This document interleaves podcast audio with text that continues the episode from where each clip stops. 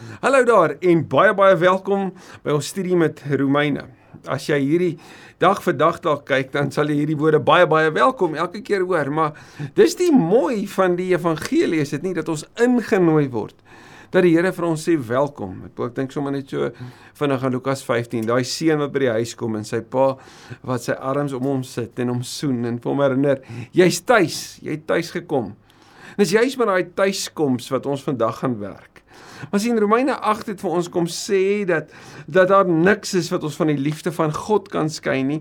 En dan het Paulus die beskrywing, hierdie hierdie hoogtepunt, hierdie triomflied het 'n triomfbeskrywing. Wanneer hy sê die liefde wat daar is vir ons in Christus Jesus ons Here. In die kruis sien ons die liefde van God vir jou en my. Dis hierdie kruis wat soos Paulus dit vir ons uitgepak het van hoofstuk 3 vers 21 tot by hoofstuk 8 vers 39. Hierdie kruis wat vir ons vryspraak bring. Hierdie kruis wat vir ons vergifnis bring. Die kruis, die liefde van Christus wat vir ons verzoening bring. En daaruit het ons vrede. En daaruit kan ons leef met 'n gefokusde uitreik na ander. En dis hoekom Paulus hierdie ook skryf is om vir hulle te kom herinner hoe groot en hoe wonderlik is hierdie Maar Paulus skryf dit vir 'n 'n gemeenskap wat bestaan uit Jode en Grieke. En die Grieke sou waarskynlik baie baie goed geluister die Grieks-Romeinse wêreld na na hierdie uitpak van die vryspraak en hulle sou waardering ook gehad het met sy verduideliking van die stories van die Ou Testament, maar vir die Jode sou hierdie 'n moeilike saamstap wees. Want ja, dit is waar en ons sien dit veral in Paulus se lewe hoe diep waar dit is. Maar dit sou vir hulle moeilik wees wanneer hulle die storie van Adam sien hoe dit die teenoor dit die storie van Christus is. Want Adam, wel, hy's nie 'n geloofsheld nie. So dit dit sou vir hulle kon sê okay, goed, maar dit maak sin. Maar dan is daar die storie van Abraham en Abraham wat die vir hulle die vader van hulle gelowig is. Hulle geloof is, se hoor hulle maar dit is die vader van alle gelowiges. En dan sien hulle die storie van van Moses en die wet en die besnydenis wat hier uitkom. En dan sien sê Paulus maar die ware besnydenis, die ware Jode is hulle wat glo. Nie net hulle wat dit fisies be beleef het nie. En as al Dawid sien en as da Paulus daar kom sê maar sien jy Dawid wys op die sonde in ons lewe en daarom het ons 'n verlosser nodig. So alles wat vir hulle van groot waarde was, groot geloofshelde in hulle storie kom help Paulus hulle om te sien dat wanneer jy deur die kruis hierna kyk, dan word jou verstaan van daai stories heeltemal anders. Maar Israel sou kon vra maar maar waar pas ons in die Jode sou kon vra waar pas ons in in God se storie nou? Ek bedoel beteken dit daai daai storie is dat dit alles net 'n mislukking was? Of is dit deel van God se storie en hoe pas ons nou daarin? Veral nou met met van ons Jode wat wat ons mede-Jode wat 'n 'n negatiewe nie gelowige kyk aan Christus en na Christus het. Hoe pas dit in in God se storie wat hy nou skryf? En dit gaan ons leer en lees in hierdie 3 hoofstukke, hoofstuk 9 tot 11, wat 'n besondere klem en fokus het op die Jode. Maar kom ons sê dit net eers vir mekaar. Paulus kyk in retrospektief terug na die verlede. Hy kyk saam terug en dan sê hy, "Maar kan jy die lyne sien?" En kan jy God se genade te midde daarvan ook raak sien? En kan jy daarom sien dat in vandag se wêreld wat wat ook vir ons nie so duidelik en so eenvoudig verklaarbaar is nie, dat God steeds besig is. Kom ons bid dat die Here ons ook sal seën. En so terloops, welkom ook vir jou wat dalk vir die eerste keer kyk hierna. Kom ons bid. Here, dankie dat ons welkom is saam met U en by U en in U teenwoordigheid. Dankie dat ons kan weet dat wanneer ons die teks oopbreek en dit lees, is die outeur hiervan aan die woord. Kan ons reg in die begin kom verklaar, Here, dat ons mense maar is met beperkte begrip en beperkte kennis, met beperkte invalshoeke en dat ons so baie bymekaar leer en saam leer en en honger is vir meer, maar ons leef in 'n wêreld wat vir ons 'n klomp alternatiewe ook hierop bied. Daarom het ons nie net 'n behoefte vir meer nie. Ons het 'n behoefte vir ware meer. Meer van U en meer van U woord, maar binne in die lyn van dit wat waar is. Hou daarom asseblief alles wat nie waar is nie en wat ons op 'n dwaalspoor kan lei, hou dit uit ons gedagtes uit en help ons om gefokus op U te bly wanneer ons hierna kyk ook vandag. Ons erken ook ons emosies en ons nie verstaan en en en alles daarmee saam ook hierin vir U en bid Here kom lei ons ook daarin in Jesus se naam. Amen. Romeine 9 vers 1 die opskrif hier op in die notas hier voor my wat natuurlik ook vir jou beskikbaar is sê God se verkiesing van Israel. Ons gaan van 9 tot 11 sien die besondere plek van Israel in God se verlossingsplan ook raak sien. Vers 1: In my verbondenheid in die Grieks sê duidelik in my inwees in Christus. Hy gebruik die woord en en Christus en Jesus dat ek in Christus is, nê? Nee? In my verbondenheid met Christus praat ek die waarheid, ek lieg nie. En my gewete wat deur die Heilige Gees gelei word in Romeine 8 het so baie oor die Gees en die Gees se rol in my lewe vertel, nê? Nee? Die my gewete wat deur die Gees gelei word getuig saam met my dat daar by my groot droefheid en voortdurende hartseer is oor my broers, my eie volksgenote. Paulus kom sê iets van sy sy hart vir sy eie mense. Maar sien tot nou toe sou jy kon sê Paulus maar jy praat so oor die nuwe storie. Ek bedoel soos daai woord wat jy gebruik het toe jy vir die Filippe gemeente Filippi geskryf het van dit wat voorheen vir jou van waarde was is nou vir jou verwerplik. Jy sê dit is skieballon. Dit voel so asof jy dit net alles weggegooi het. Wat van ons? Dan sê Paulus nee wag. My hart en my begeerte om by die heidene te wees maak nie dat ek nie 'n hart het vir my eie mense nie. Dat ek 'n droefheid het en 'n hartseer het. Dit bring my sommer so op 'n kantnota by my eie storie van uh, en en by jou storie van het ek 'n droefheid oor my mense. Die mense wat my taal praat. Die mense wat die Here nou Eh, so nodig het, maar maar nie in hom glo nie. So Paulus sê ek het 'n droefheid. Ek sou self sê die tweede deel van vers 3, ek sou self vervloek wou wees. Afgenis gesny van Christus as dit tot hulle voordeel kon wees. Dis net Paulus en Moses wat hierdie woorde uiter.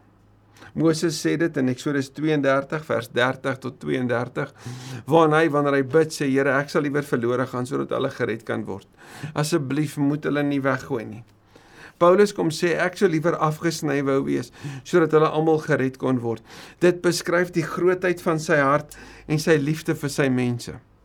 Dit kom sê vir jou en my ook wanneer ons vir ons mense bid, kan ons uit hierdie plek uit ook kom, nê. Is die Here maar ek het so 'n begeerte om te bid vir my mense dat hulle U sal ken, dat hulle U sal lief hê, dat hulle in U sal glo. En Paulus sê dit is so groot. Jesus is so groot in sy lewe. Die die wonder van die verlossing is so groot dat hy dit vir almal wens en as dit beteken dat hy die prys daarvoor sou moes betaal, dat hy afgesny sou wees sodat hulle dit kan beleef dat hy dat dit dan so sal wees. So die lesers hiervan sal Paulus se solidariteit ook met hulle en met die gedeelde storie wat hulle as etniese Jode ook het sou hulle beleef. Hulle is tog Israeliete. Vir hulle het God as sy kinders aangeneem en in sy heerlikheid was hy by hulle. Met hulle het hy die verbonde gesluit en aan hulle die wet van Moses gegee, asook die tempeldiens en die beloftes. Hulle stam van die aardsvaders af en uit hulle is die Christus as mens gebore. Hy wat God is, verhewe bo alles en lofwaardig vir ewig. Amen. In hierdie lied noem Paulus sewe dinge waaroor die Jode bly kan wees. Hoor mooi. Ek wil hierdie mense vir wie hy sê hy hy hy wil liewer hê dat hulle dat hulle by Jesus sou uitkom. Hy sou liewer afgesny wees dat dit goed sou wees vir hulle. Hierdie mense vir wie hy lief is, oor wie hy droefheid het. Wie is die mense oor wie hy droefheid het? Sewe beskrywings. 1. Hy sê hulle is Israeliete wat wat deur God as kinders aangeneem is. Want dis wanneer die Here sê, maar ek noem jou my kind. Ek dink byvoorbeeld aan aan Hosea se beskrywing daarvan wanneer God sê, maar ek noem jou my seun, nê? Ons sien dat hulle in sy heerlikheid deel. So hulle leef in ewige teenwoordigheid van God. Hulle het sy verbonde ontvang, so hulle hoor die storie van God se getrouheid. Hulle het die wet gekry. Hulle het die teenwoordigheid van die Here in die tempeldiens beleef, saam met die beloftes. Hulle het 'n storie van die aardsvaders, maar wat is die hoogtepunt? Die Christus is uit hulle gebore. Hulle het alle rede tot blydskap. Hulle het alle rede tot geloof. God wat sy seun gegee het, God wat verhewe is, bo alles en lofwaardig is. Soos wat ons sien in in die paastyd, die Here wat die naam bo alle name het. Dit wil nie sê vers 6 dat die woord van God nie meer geld nie. Immers nie almal wat van Israel afstam is werklik Israel nie. Jy gaan in Galasiërs 6 sien hoe Paulus vers 15 tot 16 praat van die ware Israel is die nuwe mense. So nou sou die vraag wees, Paulus, wanneer jy met Israel praat, met wie praat jy? Van wie praat jy? Paulus gesê maar daar's 'n ware Israel wat gelowiges is, wat deel in die storie En daar's ander wat dalk deel is in die etniese afkoms, maar nie gelowig is nie. So die feit dat jy etnies daarvan afstam, impliseer nie dat jy die ware Israel is nie. Nee, die ware Israel, soos wat hy in Romeine 4 ook gesê het, is hulle wat glo, hulle wat werklik glo. Hy het vroeër ook gesê dan hoofstuk 3, die ware besnydenis is nie hulle wat dit fisies in hulle lywe het nie, nê, maar hulle wat glo. Dis die ware Jode, die wat besny is in hulle hart. Immers nie almal wat van Israel afstam is werklik Israel nie. En nie almal wat nakommelinge van Abraham is, is werklik kinders van Abraham nie. Want Romeine 4 het gesê die kinders van Abraham is hulle wat glo. Inteendeel, die belofte was uit Isak sal daar vir jou 'n nageslag kom. Nou hoor mooi, hier kom wys Abraham ag Paulus onmiddellik 'n baie belangrike ding. Hy kyk in retrospektief. Hy vat 'n bepaalde snit in die geskiedenis en die snit is die fokus op die Jode vanuit die groter perspektief van die die mense van daai tyd. Die snit nou is Abraham en sy gesin. Die snit is vanuit Abraham se gesin is daar twee seuns. Al twee is uit Abraham gebore. Die een se naam is Ismael en die ander se naam is Isak. Die een is die vervulling van die belofte. Die ander is uit die uit die uit die liggaam van van weet van Abraham gebore. En die belangrike wat wat Paulus kom sê is hier's 'n onderskeid tussen die twee. Die feit dat jy etnies van hom afstam, beteken nie jy stap in die pad van wat God gebou voor die tyd al nie. En hier sommer net so vinnig hulle 'n vooraf opmerking wat jy in hierdie notas later in detail sou kon gaan lees. Chris van Wyk pas pak dit verskriklik goed uit, maar maar hier's 'n belangrike. Die feit dat God weet en die feit dat mens vrye wil het, moenie vir jou en my 'n probleem wees nie. Dit moenie vir ons in wat werk in 'n wêreld van van wat sê die wat sê die tieners hulle noem dit cancel culture van of jy's vir my of jy steun my dis of net een of die ander so ons leef in 'n wêreld waar ons baie baie vinnig twee teenoor mekaar tel en dan sê jy's of die een of die ander. Maar nee, dis beide. En kom ek gee 'n beskrywing. Is jy 'n heilige of is jy 'n sondaar? Beide. Het Jesus gekom of is hy aan die kom? Beide. Het God vrye wil? Ag, het die mens vrye wil en het God soewereine wil? Beide. Het God dus voorkennis, heilige kennis en die mens vrye wil? Watter een is dit? Beide. En dis die belangrike. Hoor Paulus se storie wanneer hy praat oor oor God se wil, God se storie en die mense vrye wil en hoe dit presies inpas in God se verlossingsplan ook vir hierdie wêreld want dit sluit beide sy plan in en die mense vrye keuse daarbinne. En die enigste manier hoe ons regtig daarna kan kyk en met waardering kan kyk is wanneer ons terugkyk. Want wanneer ons terugkyk op die storie, dan sien ons binne in die die die die verskillende vlakke van van die realiteit en van hierdie storie sien ek en jy hoe God se wil uitspeel te midde van die mense se keuses. En sien ons hoe presies op die regte tyd dit gebeur wat wat gebeur het sodat uiteindelik die Messias gebore kon word en sodat sodat uiteindelik op Paastyd die lam geslag sou word die lam wat van die fondasies van die aarde af bedoel was om sy lewe te kom gee. En so sien ons dit uitspeel. Dit wil nie net sê dat die woord van God nie meer geld nie, immers nie almal wat van Israel afstam is werklik Israel nie en nie almal wat nakommeling van Abraham is, is werklik kinders van Abraham nie. Inteendeel, die belofte was uit Isak sal daar vir jou 'n nageslag kom. Dit kom uit Genesis 21 vers 12. En Isak is nie Ismael nie vers 8. Dit wil sê, dit is nie die kinders wat in die gewone gang van die lewe gebore is soos Ismael wat kinders van God is nie. So jy's nie 'n kind van God net omdat jy gebore is in 'n Joodse gesin nie. Dit is die kinders wat kragtens die belofte van God gebore is, wat as kinders wat as Abraham se nageslag gereken word. Wat kom sê die Here hierdeur? Toe die Here vir Abraham gesê het: "Abraham, ek maak jou vader van die nasies." Toe was God se bedoeling en God se wil dat die kind wat gebore moet word Isak is en dat vanuit Isak die die gevolg die die belofte wat God vir Abraham gegee het waar sou word. Want dit is uit Abraham en sy nageslag met Sara want God is getrou daaraan dat dit sou gebeur. Die feit dat dit gebeur het dat dat Ismael gebore is via Hagar kom sê dit is nie God se plan nie. Dis nie God se belofte gewees nie. God se belofte is Abraham, ek gaan vir jou en Sara 'n kind gee. En Isak is die vader daarvan of hy's die eerste daarvan, hy's die eerste geborene van my belofte sien jy dat dit nie etniese afkoms is nie. En Paulus gebruik 'n beeld vir die Jode wat hulle geken het om vir hulle te kom sê moenie vertrou op jou etniese afkoms nie. Vertrou op die groter storie van Abraham wat hy in hoofstuk 4 kom sê die vader van die gelowiges is. Die woorde op die tyd sal ek weer kom en dan sal Sara 'n seun hê was immers 'n belofte. Dit sê Genesis 18 vers 10 tot 14. En dis nie al nie. En nou kyk die Here nie net na Abraham se storie nie, maar hy kyk na Isak se storie. Jy weet, Isak wie se vrou Rebekka een keer swanger geword het en 'n tweeling gebaar het, nê? Nee? So Isak en Rebekka se storie kom ook nou na vore. En en wat het Rebekka gehad? Twee seuns. En een van hulle is deel van die storie, Isak. En die ander is ook deel van die storie Esau, maar die gevolge daarvan is totaal verskillend en dis wat Paulus heeltyd kom sê. Uit dieselfde ma is twee seuns gebore en die een was was verbonde aan God het hom het hom geëer en die ander een het nie. Selfde ma.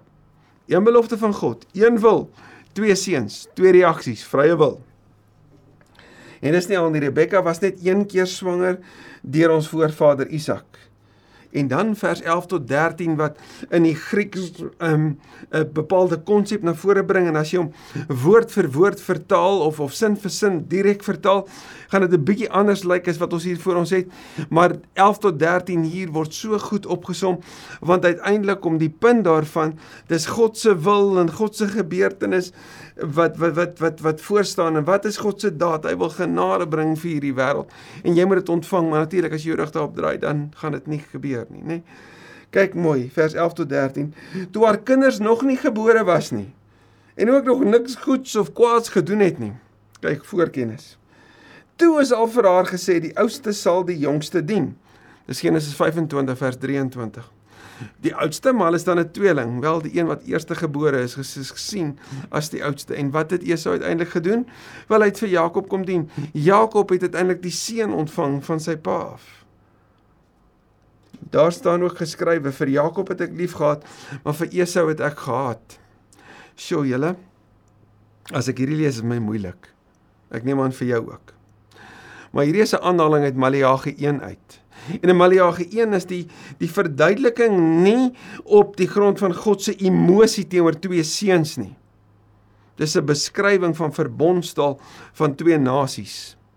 Maar sien uit Isak uit en en en ek weet kom daar hierdie seuns en vanuit die seuns kom daar 'n nageslag by Jakob en Jakob se mense gaan uiteindelik die beloofde land binne. Maar een van hierdie nasies van daai tyd is die Edomite, die Edomite wat vanuit Edom uh, vanuit Esau afstam. En die Edomite is is is is is buurlande, buurnasies van Israel. En ons sien daarin dat Israel staan teenoor Edom. Jakob staan teenoor Esau. So wanneer Maleagi terugkyk, dan kry hy in terme van name vir nasies. Dis 'n kollektiewe begrip. Israel wat staan vir die gelowiges wat wat wat natuurlik die nageslagte van van Jakob was en Edom wat die nageslagte van Esau was. Daarom Jakob en Esau. En dis verbondstaal nie emosie nie, want die een sê een het my verbond aangeneem en die ander een het het, het hulle rug op dit gedraai. Daarom is daar 'n breek in daai verhouding. Gaan lees gerus Maleagi vir meer hieroor. Vir Jakob het ek liefgehad, maar vir Esau het ek gehaat. Die besluit van God is gegrond op uitverkiesing. En die woord uitverkiesing daar is processes en dit dui op voorkennis, nê? Nee?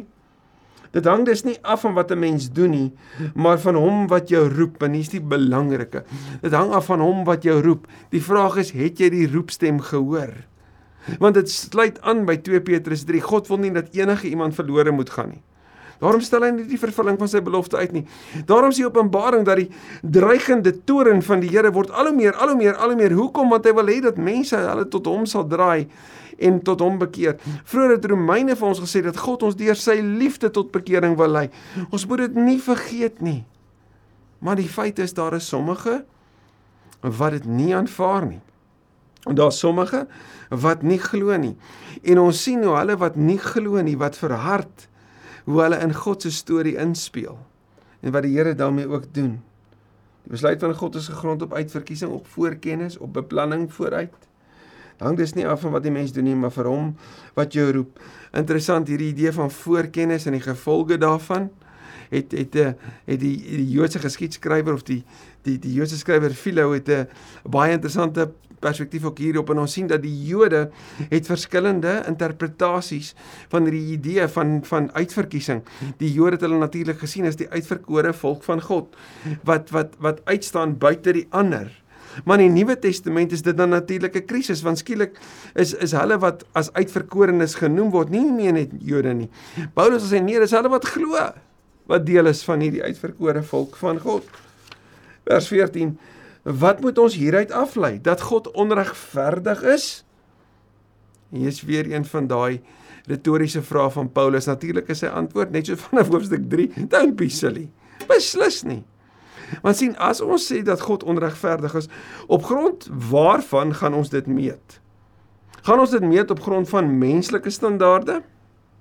En as dit neem op grond van menslike standaarde, hoe kan ons die Here onderhewig maak aan menslike standaarde? As die Here gekies het en die Here gesê het dis hoe dit sal wees. As die Here gesê het hierdie is my morele wet. As die Here gesê het ek het julle geskape om my te dien, om my te eer. Dan is ons mos nie die wat dit kan omswaai en sê maar ons wil dit hê soos wat ons wil nie. sien die Here het gesê dis my gebooie, volg my. As jy jou rug daarop draai, is daar gevolge. As jy dan die gevolge dra en jy beleef my as liefdeloos, nê. Nee. En hierdie sê ek as 'n mens, as 'n gebroke eenvoudige mens. Hoe sal ons ooit kan redeneer met die heilige God? Maar Paulus kom sê God is nie onregverdig nie. Die woord onregverdig adikia staan teenoor die woord wat ons die heeltyd in Romeine sien dat die Here kom dikaiosun hy hy kom vryspraak bring, hy kom regverdig maak. Ons is geregverdig in Christus. Dis die basis dat ons in Christus is. So ons sal nooit kan sê dat God wat ons regverdig maak onregverdig is nie, nee. Vir Moses het hy gesê ek sal barmhartig wees oor wie ek barmhartig wil wees en ek sal my ontferm oor wie ek my wil ontferm. Hierdie is wanneer Moses op die berg daar in Eksodus 33 sê: "Here, bring die heerlikheid vir my, wys dit vir my." Dan kom sê God, "Maar ek sal doen wat ek wil." Dis uit daai konteks. So Paulus kyk terug en hy sê: "Maar die Here het vrye wil om te kies wat hy wil." Dis God se wil. Hy het vir die mens vrye wil gegee, maar laat God God wees en erken net sy godheid en dien hom soos hy homself openbaar. Nie soos jy wil en dit jou pas nie. Dit hang dus nie af van 'n mens se wil of strewe. Die woord strewe in die Grieks dui op 'n atleet wat vorentoe beer. Die die Jode het ook 'n siening van strewe of van 'n hardloop gehad. Daai Psalm 119 het hulle dit verwys met hoe jy die wet leef. Hang nie af van die mense wil of strewe nie, maar van God en dis die belangrike wat barmhartig is sien jy dat hierdie woord barmhartig in vers 16 as jy vers 14 hiermee in gesprek bring, dan kan jy sê maar jy sal mos nooit kan sê dit onregverdig is nie. Want hy's barmhartig. Goed Psalm 103 om beskryf. Barmhartige God. Hy's die een wat lankmoedig is en vol liefde. Dis hoe die Here hom natuurlik openbaar Eksodus 34. Ek is die barmhartige en genadige God, lankmoedig, vol liefde en trou. Dis wie hy is. So moenie die feit dat mense hulle rug op hom draai, dat mense verhard is, dat die verharding van mense se harte tot voordeel van ander gelei het, moenie daai proses sien as onregverdig nie. God is besig om sy storie te skryf en ons is die gevolge daarvan. Dis in kort wat Paulus hiermee besig is. Vers 17. En hier is die leidraad. In die skrif sê God immers vir die farao: "Jy's hiervoor het ek jou teen my in opstand laat kom, dat ek in jou my krag kan toon, dat my naam oor die hele aarde verkondig kan word." Kyk wat is hier aan die gebeur. Die farao is nie 'n pion in 'n groter storie nie. Hy's 'n geskape wese. Maar die farao as mens het homself laat verafgod, laat aanbid. Tempels is gebou en aanbidding is gebring. So die farao staan in wese in die wêreld van Israel se tyd teenoor God. En God sê ek gaan jou hart verhard.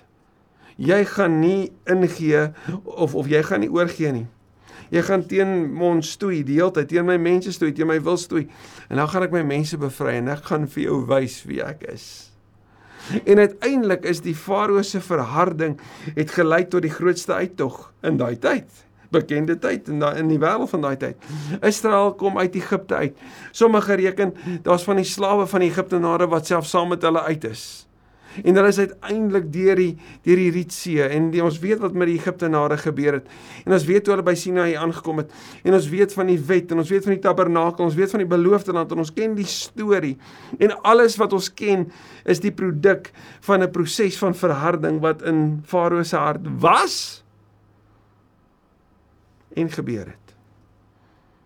En hier sien ons iets van Paulus se terugkyk retrospektief om te sien kyk hoe skryf God sy storie na wat heidaglik gebeur want sien om hom is daar Jode wat nie die Messias as Here aanvaar nie wat verhard het.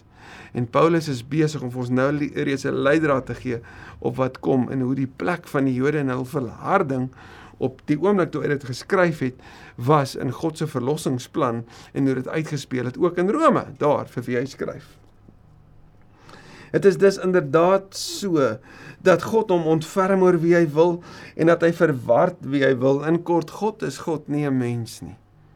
En natuurlik is die verharding wanneer ons daarna kyk, sien jy het te doen natuurlik ook met mense vrywil. Dit staan nie teenoor mekaar nie, maar die belangrike, die gevolg van die verharding van hierdie persoon, van hierdie volk, van hierdie nasie het tot gevolg gehad dat daar genade en barmhartigheid beweeg het. Die feit dat daar verharding in 'n mens se hart is, maak nie God se barmhartigheid teenoor die mens minder nie. Ek sê is 'n moeilike hoofstuk. Dis 'n moeilike gedeelte. Maar miskien moet dit jou my bring op 'n plek in ons eie lewe waar ons vra maar is die verharding van ander op hierdie oomblik ook teenoor die evangelie nie jy's ook besig om mee te bring dat iets anders aan die gebeur is nie want Paulus se terugkyk en wanneer hy vir die die verharding van die farao vermeld dan wys hy daarop ook op die teenoorgestelde want die ontdekking van die barmhartigheid en die voorsienigheid van God is deel van die storie van Israel wat hieruit na vore sou kom. Israel speel 'n kardinale rol ook in God se storie ook vandag. En daarvan volgende keer meer. Here, dankie dat ons ook ons eie onvermoë vandag kan kom verklaar. Ons onvermoë om al die begrippe bymekaar te hou. Dis moeilik om u barmhartigheid en die verharding van mense bymekaar te bring. Dis moeilik om te sien hoe daar opponente van die kruisis wat tog deel uitmaak van u storie. Dis moeilik wanneer ons dink dat u mense die lig laat sien, aan hulle die lewe skenk. Mense met denke en vaardighede en en en en besluite wat hulle kan neem as individue wat beide kan bou en kan breek en te weet dat ook hulle is deel van die storie wat u skryf. Dis moeilik vir ons om te verstaan dat dat dit nie of of is nie maar beide. Maar dankie dat u ons help, dat u ons nie los nie. Dat u saam met ons stap. Al verstaan ons nie alles nie. Maak dit niks minder aan wie u is en aan u goedheid en u barmhartigheid u getrouheid, u lankmoedigheid en u liefde nie. Stap asseblief saam met ons verder soos wat ons dieper hierna kyk en dit soek in Jesus se naam. Amen. Ek koop dit 'n mooi week. Stoei verder hiermee.